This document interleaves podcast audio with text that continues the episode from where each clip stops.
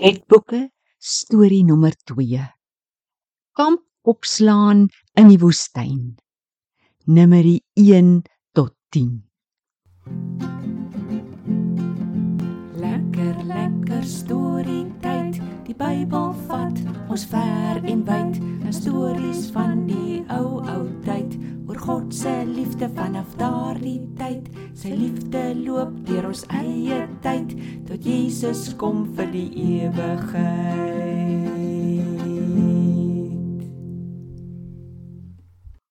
Toet, toet, toet, toet, toet, toet. Hallo, Algo. Hallo Tobias. Is jy vandag 'n trompet of wat? Ja, tannie Karen. Ek hou so na jou son trompette. Ek donder die sadinots hou ook daarson. Wie weet? Dalk is daar maats wat ook van trompette hou. Tobias, weet jy dat toe die Israeliete op hulle pad na Kanaan gekamp het, het hulle ook op trompette geblaas? Nee, nie geweet nie. Vertel dikkie. Julle so in die tweede jaar wat die Israeliete op pad was na Kanaan, het die Here gevra hulle moes al die mans van 20 jaar en ouer tel. Regtig? En hoeveel mans was daar toe? Behalwe vir die leviete wat eers later getel is, was daar meer as 600 000 mans. Die vrouens en die kinders is nie eers getel nie. So 'n klomp mense. Hmm, dan was die kantery seker 'n teeringe kar asare. Ek kan net dink hoe hardloop die kinders rond en soek hulle tent en soek hulle ouers. Nee, nogal nie Tobias. Die Israeliete was baie mooi ingedeel in hulle families. Kom ek verduidelik. Die tabernakel was in die middel van die kamp. Dan was die leviete en Moses en Aaron se tente so al rondom die tabernakel, elkeen op sy spesifieke plek. Die ander families het ook elkeen sy eie plek gehad. 3 families aan die noorde kant van die tabernakel, 3 aan die suide kant, 3 aan die weste kant en 3 aan die ooste kant. Hoe het hulle geweet daar hulle plek is? Die Here het vir hulle gesê waar hulle moet kamp opslaan, of dit nou noord of suid was. Elke familie het ook 'n vaandel gehad, iets soos 'n vlag. Op die vaandel was hulle familie se teken, soos 'n leeu of 'n boot of 'n bok. Hoi! Toe hang die vaandel seker hoog aan 'n stok dat die kinders mooi kan sien. Daar is hulle teken en daar is hulle tent. Dis nou slim. Ja. En wanneer hulle weer verder getrek het, dan het hulle in dieselfde volgorde wat die tente was, ook begin loop. So moes Juda se familie altyd voorloop. Die Lewiete het in 3 groepe tussen die ander families getrek. En die familie van Dan het heel agter geloop. Interessant. Nou, dat was die storie net die Lewiete. Eers is hulle nie getel nie en toe loop hulle in drie groepe tussen die ander families.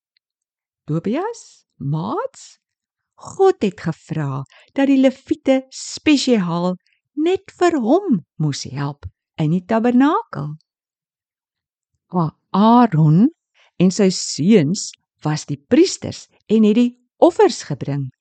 Maar al die Levitiese mans tussen 25 en 50 jaar oud het die ander werkies in en om die tabernakel gedoen. En o ja, as hulle verder getrek het, dan het elkeen van die drie groepe iets spesifieks van die tabernakel opgepak. Hulle moes dit op 'n spesiale manier dra en weer gaan aan mekaar sit by die volgende kampplek. Sjoe. Das die leviete dan die Here se spesiale mense. Almal was spesiaal, maar die leviete was eenkant gesit vir God om vir hom te werk in die plek van die oudste seuns van die ander families. God het gesê: "Kyk, ek het die leviete uit die volk vir my geneem in die plek van al Israel se eersgeborenes. Hulle behoort aan my. Ek is die Here." Die leviete is toe getel en daar is spesiale offers gebring om hulle so vir die Here te gee. Ek verstaan. Maar hoe het so 'n groot klomp mense geweet dat hulle sonneer moes doen? Um sê nou dit is tyd om weer te trek. Ons Moses uh wou dalk 'n vergadering hou. Hmm, dis waar die trompette ingekom het. Die Here het vir Moses gevra om 2 silwer trompette te maak. As die priesters sag op een trompet blaas, dan moes al die leiers kom vir 'n vergadering.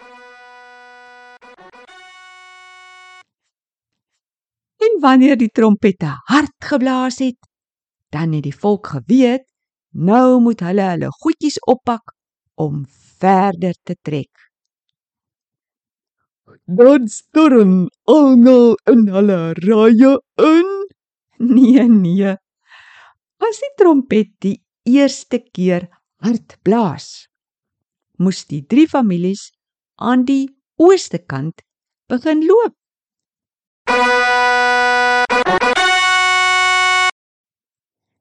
Dan blaas dit weer.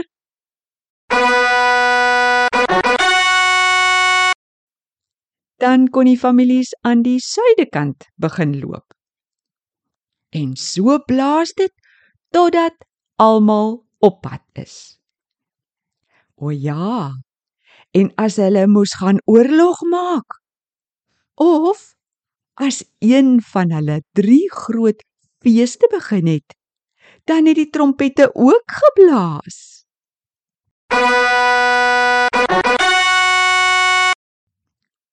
O, dodeluk.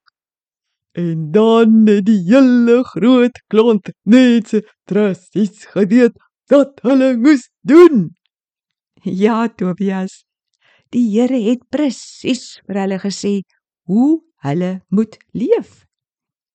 Daar was ook 'n klomp reëls wat ons nie eers alles in ons stories gaan vertel nie. Die maats kan dit maar in die Bybel gaan lees. Maar julle ek wil graag vandag se storie afsluit en vir julle vertel van die mooi woorde wat die priesters gereeld vir die Israeliete gesê het. Ons lees dit in Numeri 6. Dalk is die maats lus om dit uit hulle kop te leer om dit ook vir mekaar te bid. Ons noem dit die priesterlike seën. Die Here sal vir julle goed wees en julle beskerm. Hy sal julle red en julle jammer kry. Hy sal luister as julle bid en vir julle vrede in julle harte gee.